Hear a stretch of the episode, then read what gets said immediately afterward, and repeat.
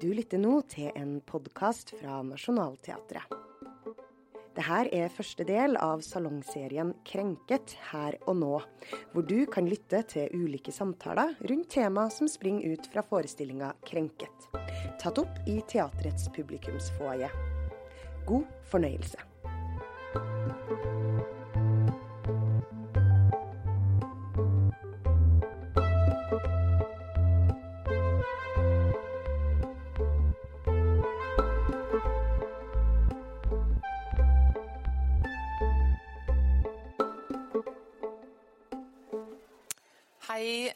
Sammen.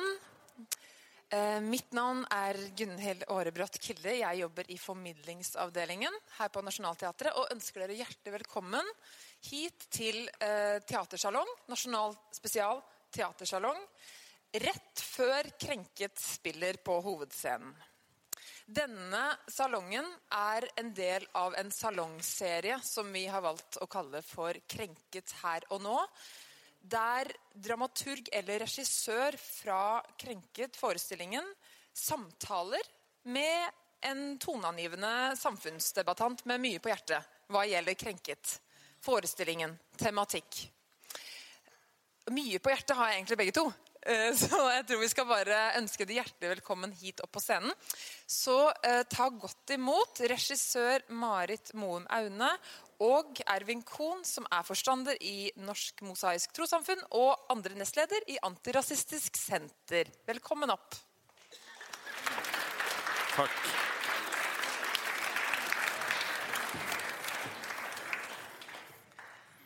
Takk, det var jo Det er alltid Du har veldig mye titler, du. Jeg har gått med altså, Toneangivende samfunnsdebattant, det likte jeg veldig godt. Det er veldig bra. Ja. Men skjønnmaling har aldri skadet øh, noen. Ja. ja. Det er litt morsomt at vi skal liksom samtale uten at vi har noen som leder samtalen. Ja, så vi får jo da stille hverandre noen spørsmål, så jeg kan jo godt begynne. Uh, Ettersom jeg har forstått, så var du i New York, og så bare fanget du dette stykket. Hva var det som gjorde at uh, du ville oppføre dette stykket i Oslo? Jeg var i New York og så originaloppsetninga. Eller jeg så den som da gikk på Broadway. Det er noen år siden. Nei Og interessant tematikk, da. I hvert fall så leste jeg det umiddelbart, og så syns jeg kanskje at de hadde satt opp litt eh, kjedelig.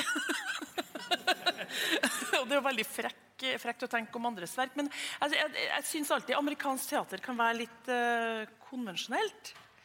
Eh, så oppdager jeg at det stykket her er jo på mange måter et rett opp og ned-stykke. Det er realisme, og det skal det få lov å være. og Det er også det dere skal se i kveld. Men eh, det viktigste var vel at jeg kjente at det var en tematikk. Så dro jeg tilbake, og så tenkte jeg for noen år siden nå skal vi sette opp det. Og så satte vi opp eh, 'Engler i Amerika' i stedet, da. Det var bitte litt lenger, hvis noen av dere så det. Det var for åtte timer. Men eh, det er ikke tilfeldig at man setter opp det 'Engler i Amerika' og så det her. Og da treftes vi, for da var du vår konsulent, da. Og det handler også om New York. Og det her stykket handler også om New York. Eh, er det noen i salen som har sett det allerede? kanskje? Noen. Men bare for å si det veldig kort, det handler jo om New York, og det handler jo om en spesifikk eh, historisk begivenhet som fører til noe. Akkurat som engler i Amerika. Hiv-aids-epidemien fører til en endring i byen. Og så får du den neste store endringa, kan du nesten si i New York, nemlig 9-11. Det, eh, det er en stor terroraksjon. Og Ayad Akhtar skriver da det stykket her etter, god, god stund etter at det skjedde, men han har da begynt å observere at han synes det skjer noen endringer i det amerikanske samfunnet. og disse endringene det Han gjør, han stikker hånda rett inn i New York og så plukker han ut fire mennesker, fem mennesker. Og så forteller han hvordan disse menneskene under disse gitte omstendighetene har det sammen. da. Jeg har fått spørsmål om eh, Du skal ha samtale om et teaterstykke som du ikke har sett, Ervin. Hvordan, eh, hvordan går det? Og det er eh, interessant. Altså, Jeg skal også se dette stykket sammen med dere etterpå. Eh, Jeg har ikke sett det før. Men derimot så ringte du meg og spurte om jeg ville komme og være konsulent. Så var jo det sammen med alle skuespillerne. Så alle skuespillerne spilte jo hele dette, dette middagsscenen for meg. Og da satt de rundt bordet og eh, spilte rollene sine, så det var veldig spennende. Men uh, si litt om hva du tenkte. altså Hvorfor må vi ringe Ervin for å ha han som konsulent? Nei, vi, Det vi gjør når vi gjør teater, at vi gjør mye research. Så det var ikke bare der vi snakka med. Ja. Vi snakka um, f.eks. den som gjorde at jeg ville sette opp stykket. Det var um, uh, det er ei ung norsk dame som heter Aisha Wolasmal, som nå driver og tar master i terrorisme på Kings College. Og som har vært en veldig aktiv samfunnsdebattant, jobba i norske forsvaret, vært rundt omkring og jobba. Og jeg sendte stykket til hun. For jeg tenkte hvis Aisha setter tommelen ned her, så setter jeg ikke opp det. For jeg har veldig tillit til henne. Og så sa hun to ting. Hun sa dette stykket er det ikke. Skal du ikke kanskje gjøre det, må du gjøre. Dette handler om meg. Jeg er også gift med Emily, bare at han heter Matthew. um, men det andre var du må for guds skyld ikke la det stykket foregå i Oslo. Okay. For det, vi, det, liker jo vi. Vi liker liksom å kanskje gjøre det om, og så foregår det i Oslo. Dette stykket foregår ikke i Oslo, dette foregår i New York. Dette foregår i en smeltedigel hvor ingenting smelter, som det blir sagt i 'Engler i Amerika'. Det, det, da vi satt om 'Engler i Amerika', så tenkte vi er det relevant for et publikum å sitte og se på et langt stykke om noe som foregår i en helt annen by. Og Sånn er teatret. Du kan flytte tid, du kan flytte sted. Og så meddikter vi oss inn i det. da. Og Derfor så setter vi opp det stykket som helt klart ikke foregår i dag, og ikke foregår her. Eh, men vi opplever da at eh, et særlig ungt publikum som ser det, føler at det handler om dem også på et eller annet vis. da. Det har jo vært en del uh, debatt i media. Er det noen som har fått med seg det har vært én hånd i været alle som har fått med seg at det har vært en del artikler. Og det har vært en del synes det er flott, og de fleste har det. Det er uh, bl.a. en teaterkritiker som mente at uh, dette ikke er relevant for oss, og ikke i 2019. Mm. Og det er jeg ganske uenig i. Um, nå har dere ikke sett det, men det vi kan si noe om, det er at uh, det er snakk om fire venner som møtes i et middagsselskap. Og uh, det er en uh, muslim fra Pakistan. Han har forandret navnet sitt til Kapoor. fordi at Da kan han på en måte kamuflere sin pakistanske og muslimske bakgrunn. For Kapoor er et indisk navn og et typisk hindunavn. Og så er Han advokat, og så er det en kollega av ham og så har han en, eh, en, eh, kone, eller er det en samboer? Han har kona si, som kona. er en sånn wasp, som det heter. da. Så hun er uh, hvit amerikaner, men veldig orientalistisk orientert. Og, og, så er det hennes elsker, som er en jødisk regissør eller produser. Må ikke avsløre det, da. Nei, men, men, men, men poenget er at de er fire typiske newyorkere. Liberale newyorkere. Og det som er litt spennende med stykket, det er at altså det som gjør det, gjør det, relevant i dag, det er jo at um, enhver har en softspot, altså et ømt punkt. Og når du liksom prikker i det ømme punktet, så gjør det vondt. Og særlig for liberalere som blir gjort oppmerksom Tenk dere. altså en som opplever seg selv som helt fordomsfri, får bebreidelsen at du er jo fordomsfull, det er ikke godt. Og De punktene har vi alle sammen et eller annet sted. Og når vi noen prikker, så um, gjør det vondt. Mm, og her prikkes det jo veldig mye. Veldig. Da. Også fordi at du har en uh, afroamerikansk uh, advokat i, i denne her, gruppa mennesker. Ja. Uh, og krenkelsen man er utsatt som gruppe er jo veldig viktig. og Det Ayad Akhtar, forfatteren, snakker om Han har brukt lang tid etter at han skrev ferdig stykket på å skjønne hva det egentlig handler om.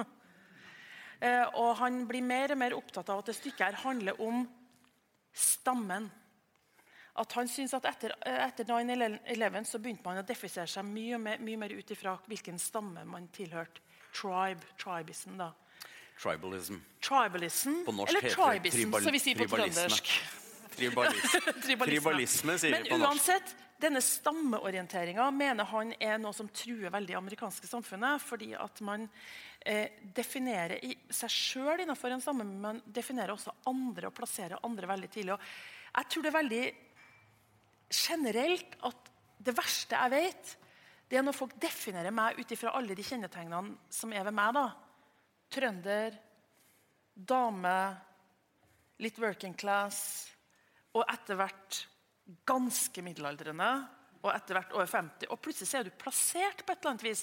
Det kan jeg kjenne i en bitte liten grad, men for meg er det jo utrolig lett hvert i samfunnet her, å kamuflere dette her på et eller annet vis. Men hvis du alltid blir definert innenfor med en forventning, som i tillegg da er prega av en ganske sånn sterk um, undervurdering, så er jo det den, det som eksploderer veldig her. Og um, Assad Siddiq, som spiller hovedpersonen, han beskriver jo hvordan han alltid har snakka litt penere enn kameratene sine. Alltid har kledd seg litt penere. Alltid har prøvd å unngå konflikter. Og Det har vært en av utfordringene i prøvetida her. Det er Vi tør å stå i konflikter. Vi må være åpne, vi må si hvordan vi vil ha det. Vi må ikke være så høflige hele tida. Men det kan være ganske vanskelig når du prøver å gli inn og bli akseptert. Som han, som den første norsk-pakistanske eiendomsmegleren. Den siste på kullet sitt som fikk jobb. Enda han var en av dem som hadde best karakterer. Så det, det, liksom, det, har vært en sånn utrolig reise for oss å møte alle de utøverne i det stykket. fordi det er sjelden at du får gå inn i så tette samtaler som du får i løpet av åtte uker på prøvetid. Ja, noe av det du beskriver om tribalisme, er jo altså øh, øh, Jeg pleier jo å si at vi har alle en rasist inni oss. Mm. vi må bare lære, kjenne, lære ham å kjenne, slik at uh, når han stikker hodet frem, så kan vi sette ham på plass. Og hva er det som kjennetegner rasisten i oss? Altså Når er det han stikker hodet frem? Jo, det er når vi gruppetenker. Fordi at vi har jo alle våre fordommer. Jeg vil f.eks. ha mine fordommer i fred, og det gjelder franskmenn. Uh, andre har trøndere. Altså, jeg har vi vet jo Vi vet jo hvordan trøndere er. Raske er de i hvert fall ikke. Altså, vi har forestillinger og de preger da våre, altså det som da blir fordommer eventuelt. Så, og det er klart det du snakker om er identitet. Men, men det jeg syns er litt spennende, det, i forlengelsen av det jeg sa i sted om hva er det dette stykket egentlig har å meddele oss, som fortsatt er litt umedelt i vårt samfunn, så er det det som amerikanere kaller det for white privilege. Noen kaller det for white skin privilege. Men det ikke, blir ikke helt det samme å oversette det til norske forhold. Så jeg snakker om majoritetsprivilegier. Og jeg har merket eh, at en del mennesker som da representerer majoritetsnormen Mange av dere gjør jo det. Det er ikke vanskelig for meg å se det. Blir veldig indignert. De tar det veldig personlig, og de blir indignert for de mener at de ikke har noen privilegier. Og så kommer de med sånne ting som at de er altså født i arbeiderklassen og har oppvokst i trange kår. Og det er ikke det det dreier seg om. Når vi snakker om majoritetsprivilegier, så er det ikke økonomiske og sosioøkonomiske kår vi snakker om. Men det er altså mer i tråd av at det er ikke noe majoritetsnordmenn har som ikke andre har, men det er noe man slipper å forholde seg til. Man slipper å tenke på som minoriteter tenker på og forholder seg til hele tiden. Hver gang de skal fly fra Gardermoen, så gjør de det. Alle vet vi at vi blir sjekket eller ikke. Og det er litt sånn tilfeldig forholder vi oss til. Altså, blir vi sjekket, så blir vi sjekket, for det må man av sikkerhetshensyn. En minoritetsnordmann som da ikke blir sjekket på Gardermoen, er veldig lettet og overrasket, for forventningen er der om at han blir det. Nå har jeg hatt en kjempemonolog. Nei, men det er, jo, det er jo, mye altså jeg tenker Det som er litt styrkende i teaterstykket, her, er at det er veldig konkret. Det tar for seg veldig konkrete situasjoner. Eh, I teater skal vi jo også kjenne en gjenkjenning. Gjenkjenne følelser som vi sjøl har, f.eks. Og så er teaterets en av teaterets oppgaver når det beskriver mennesket, da, det er jo å si at det mennesket som er så sivilisert og ser på seg som seg, seg selv som så kultivert at ikke sier at de ikke har primitive sider, er jo veldig skummelt. Det er kanskje noen historikere som sitter her. Det er alltid en risiko for at det sitter fagfolk. når Vi som, altså vi teaterfolk vi er som vanlige allmennlærere. Vi uttaler oss om alt mulig rart uten å kunne noe særlig mye om det. Men eh, Første verdenskrig var jo sett på som den, det, det skulle bli den siviliserte krigen. For Man syns man har kommet til et sånt nivå, man har innført demokrati, og man har fått så veldig veldig moderne våpen. Og så ender det med at det blir den mest primitive nesten av alle sammen. Det vil si, I det mennesket tror jeg er fri for mine primitive sider, så er mennesket veldig skummelt. Og det tenker jeg det at alltid når jeg jobber med teater, så tenker jeg hvor er dyret i de her menneskene her? Hvordan slipper vi løs den her, hvordan setter vi dem i en situasjon hvor noe er i spill? da? Som vi egentlig tror, som egentlig vi er tabubelagt i oss sjøl.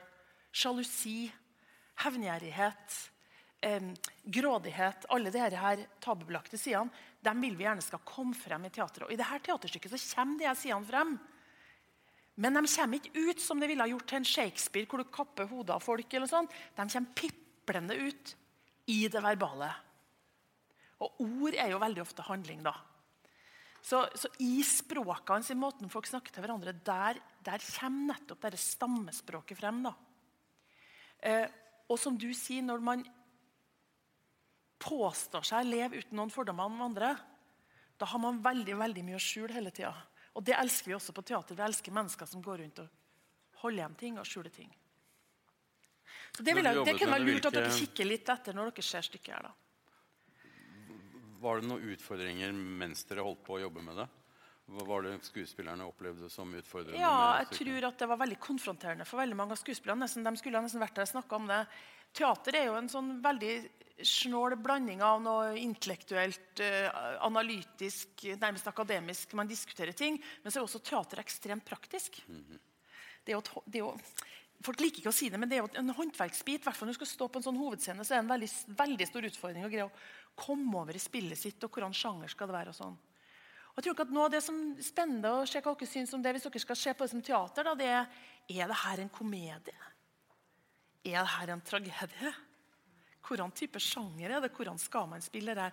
Og Det er veldig mange forskjellige måter det kunne vært spilt på. da. Mm. Ja. Men det er veldig, veldig altså For å Ja. Um, spørsmål liksom, hva er, det, hva er det jeg forventer å få ut av det? Ja, hvilket mål har jeg med at hva, hva syns jeg dere skal få ut av det? Eh, eller vi da, som skal se det etterpå. Hva skal vi sitte igjen med?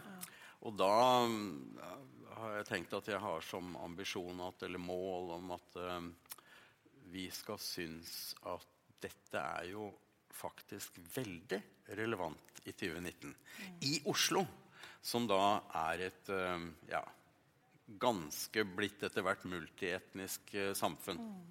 Et ganske mangfoldig samfunn. Så um, ja, når jeg ser utover her nå, så er det det vi kaller en all white panel i vår verden. Uh, så det hadde vært fint om flere Altså et litt mer mangfoldig publikum etter hvert. Og ikke minst mer mangfoldig i alder. For dette stykket tror jeg er uh, altså innertier. Altså alle minoritetsnordmenn vil skjønne dette stykket på en helt annen måte. Men jeg tror også at det er min aldersgruppe og rundt min aldersgruppe oppover er noen av dem som skjønner minst av det her. da. Kanskje. Ja, fordi at jeg opplever at uh, Ungene mine har jo en mye bredere vennekrets og en helt annen måte å orientere seg på. Mm. Og jeg er jo litt sånn optimist da, i forhold til, uh, forhold til hvordan syn man har på andre mennesker. Det, det, jeg, jeg, mener at vi kan jo bare være optimister. Og vet du hva jeg tror? Jeg tror at dette stykket ja. vil gi de unge som kommer hit og ser det, helt andre dialoger mellom minoritets- og majoritetsungdom. Det var ganske fascinerende. På, en av de avsluttende prøvene så hadde vi inn masse folk fra skoler som var veldig blanding av og Da var vi veldig spent. Plutselig så du, skal du publikumsprøve, og så sitter masse 17-åringer der. Og det er en ganske skremmende gruppe kan det være for oss som har passert 25. Og det er kanskje, ikke til forkleinelse for dere, det beste publikummet vi har hatt. Og det er veldig rart, for dem, det er altså 9-11 det er det året de blir født. Eller 9-11, da. Ja, ja, akkurat. Det er liksom, det er liksom da, da, de starter sin, eh, sitt liv. Eh, og det er post denne eh, perioden. Um, men hvis vi skal si stamme, da, kan du kjenne deg igjen i det å forsvare For det kan jeg kjenne meg igjen i å forsvare stammen min. Ja, ja, ja, helt åpenbart. Men, men altså både frivillig og ufrivillig. Ja. Altså, um, vi blir jo ofte satt i en situasjon hvor vi må forsvare stammen ufrivillig. Ikke sant? Altså, hvor ofte får ikke jeg spørsmål altså, blir, altså, må forsvare f.eks. For uh, Israels ditten og Israels datten, eller uh, jøder ditten og jøder datten. Ja. Det er altså, dette er jo helt klassisk. Altså, sånn er det også når nordmenn drar til utlandet. så er det altså, i Før i tiden så var det spørsmål om hvalfangst. Måtte nordmenn forsvare hvalfangst over en lav sko? Det er ikke noe tvil om det, selv om de hadde aldri vært i nærheten av en hval. Så, så, det er ikke så rart. ikke sant? Men, men, men det går mer på sånn, sånn altså Når jeg sier at uh, kommunikasjonen vil bli annerledes mellom, uh, mellom ungdommer, um, så har vi jo de som forsøker å legge, altså skjule deler av sin identitet. For f.eks. å passe inn. ikke sant? Og så Altså For en majoritetsnordmann så er det ikke noen stor utfordring å passe inn på visse områder. Ellers har vi jo alle liksom, altså alle ser vi oss i speilet og føler at enten er for tjukke eller for små eller for høye. eller hva et eller annet. Uh, og det går ikke på det, men det går på liksom det, det etniske. Um, så, For det er ikke noe tvil om at en av karakterene har gjort det bevisst ved å forandre navn osv. Uh, det vil nok mange minoritetsungdom uh, kjenne seg igjen i. Ikke alle, men noen. Og så uh, vil da en majoritetsungdom kunne spørre har du hatt det sånn? Mm. Så det vil føre til uh, kanskje andre samtaler. Men for deg, Ervin, hva opplever du har endra seg mest siden, siden 9-11 her? da? For hva, de siste 20 årene, Hva er største forskjellen på Oslo på de siste 20 årene? Det er jo alt det PC på muslimene. Det er uten tvil. Altså, Du kan ikke åpne en avis i dag uten også å se fortegnelser av muslimer, islam, hatske ting. Altså, Jeg er sjeleglad for at ikke jeg er muslim. Mm. Hadde det vært så mye om jøder, så hadde det vært helt forferdelig. Um, og, det er, uh, og det meste av det er usaklig. Og det meste av det er fortegnelser. For eksempel, jeg skrev en kronikk her i forrige uke om, om, uh, om um, uh, muslimfiendtlighet kamuflert som religionskritikk. Det blir kamuflert som islamkritikk, men så er det egentlig ikke religionskritikk i det hele tatt. Det er ren og skjær muslimfiendtlighet. Men straks vi sier at nei, det er islamkritikk, så blir det legitimt. For det er lov å kritisere religioner. Og det har det jo aldri vært. altså Det er som å slå inn åpne dører. Det er ingen som sier at religionskritikk er nei. Men religionskritikk er naturligvis ja. Og det er en åpen dør. Så det er ikke noe vits å slå inn den. Så, så mengden av muslimfiendtlighet i vårt samfunn er omvendt proporsjonal antall muslimer, selv om det har vokst. Det første som ble sagt til oss av Aisha Wolasmal, som er dame 30 år, det var det at uh, jeg som muslimsk norsk jente opplever Hun mente da, det var hennes subjektive mening. Det er ikke jeg som opplever diskrimineringa, det er broren min. Så, og Det ble tema underveis i prøvetida. Det var en enorme forskjellsbehandlinger også internt da, mellom gutter og jenter blant muslimer. Og dette stykket handler ganske mye også om det, hvordan den muslimske mannen blir merka. Da sa de at det er veldig rart, fordi enten du tilhører høyre- eller venstresida politisk, så vil alle forsvare meg venstresida for at jeg blir undertrykt, og høyresida for at jeg blir undertrykt. Og, men den muslimske mannen liksom, kan være en banditt i alle mulige retninger. Ja. Uh, og, og, Lara Rashid, som uh, var aktiv i AUF, som var på Utøya, blant annet, som Åsne Seierstad skriver om, hun skriver om broren sin Ali, som hun ser systematisk blir mye dårligere behandla enn hun. Og Det tenker jeg er noe som vi skal være litt våken på. da, fordi at Vi sender plutselig en hel gruppe inn i, en, inn i et veldig trangt rom. Ja. Um, uh, og det er også selvfølgelig en del av det stykket her sitt, uh, sitt budskap. Da. Mm.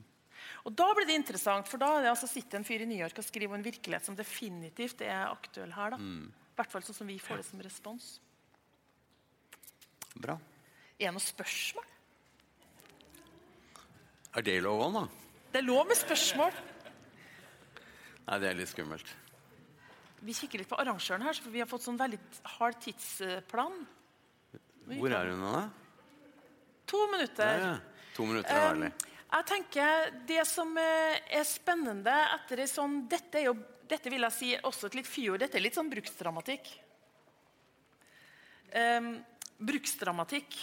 Og det jeg mener det er at uh, Hvis jeg setter opp et annet teaterstykke eller jeg lager, nå driver jeg og lager ballett, og, så er man inn i et slags annet rom for kunsten. da, Mens dette stykket er på et vis til for å brukes til for å snakkes om. Eh, og min drøm vi litt om det med stykket, det er jo at det får i gang at man får løfta. Jeg, jeg fikk i hvert fall litt større perspektiv på diskusjonen av det her. Lærer veldig mye av Aya Daktar som har skrevet det. Men håper at det liksom blir litt samtaler ut av det her. da. Mm. Det vel det vi håper. Og det er veldig naivt måte å sette opp teater på. Det var noe man drev på med på 70-tallet. Liksom. Jeg håper folk snakker med hverandre om etter det der, men jeg håper kanskje at noen får løfta blikket litt ut av sin egen situasjon. Mm. Eh, fordi at det er noen ved siden av oss som trenger at vi forstår dem litt bedre enn det man gjør nå. Ja. Jeg tenker litt rundt dette med at øh, Kan vi bli bedre mennesker etter å ha sett dette stykket? Det er litt sånn svulstig, men, øh, men ja, altså Dersom vi får noen flere, flere spørsmål å bale med, og bli sånn sett, da blir man jo litt mer reflektert. Og hvis man kan bli litt mer reflektert når man går ut etter et par timer her, enn før vi kom inn, ja, så blir vi jo litt uh, bedre. Vi vet at noen blir veldig sinna av det stykket her òg. Det er lov å bli sint òg. Men ja, det er noen som sier at uh, nordmenn ser på teater med bare følelseslivet. Jeg vet ikke om det er riktig? Nei, altså det Aya Dakhtar sier, at han opplever at det amerikanske publikummet som det her er skrevet til, går i teater for å føle, ja. mens det europeiske publikummet går mye mer i teater for å analysere, analysere og lære. da. Uh, jeg tror nok at uh, det dere også skal ta med dere når dere går inn, er at det er én stor inspirasjonskilde som Aya Dakhtar har når han skriver, og det er da Ibsen. Så man vil også gjenkjenne hvis man er et Ibsen-publikum, gjenkjenne måten å legge opp intriger på, det lukka rommet innenfor et gitt tid. Eh, hvordan folk blir satt opp mot hverandre, og hvordan det retrospektive spiller inn da, i stykket. sånn som Det står nå. Så det blir spennende å se om dere gjenkjenner noe Ibsen-trekk her. Det har vært et veldig oppmerksomt publikum. da. Veldig. Vi har aldri før. Altså, vi har aldri før vært med på et sted hvor ingen har styrt samtalen. Det er noe helt nytt for oss. Kom gjerne med tilbakemelding til arrangøren. Eh, vi, vi syns det har vært ganske, ganske, spennende å se om vi fikk det til. Så håper dere får en fin kveld i teatret. Ikke sovn. Og så må dere eh, prate med hverandre etterpå, og gjerne med sidemannen også. Takk. Takk.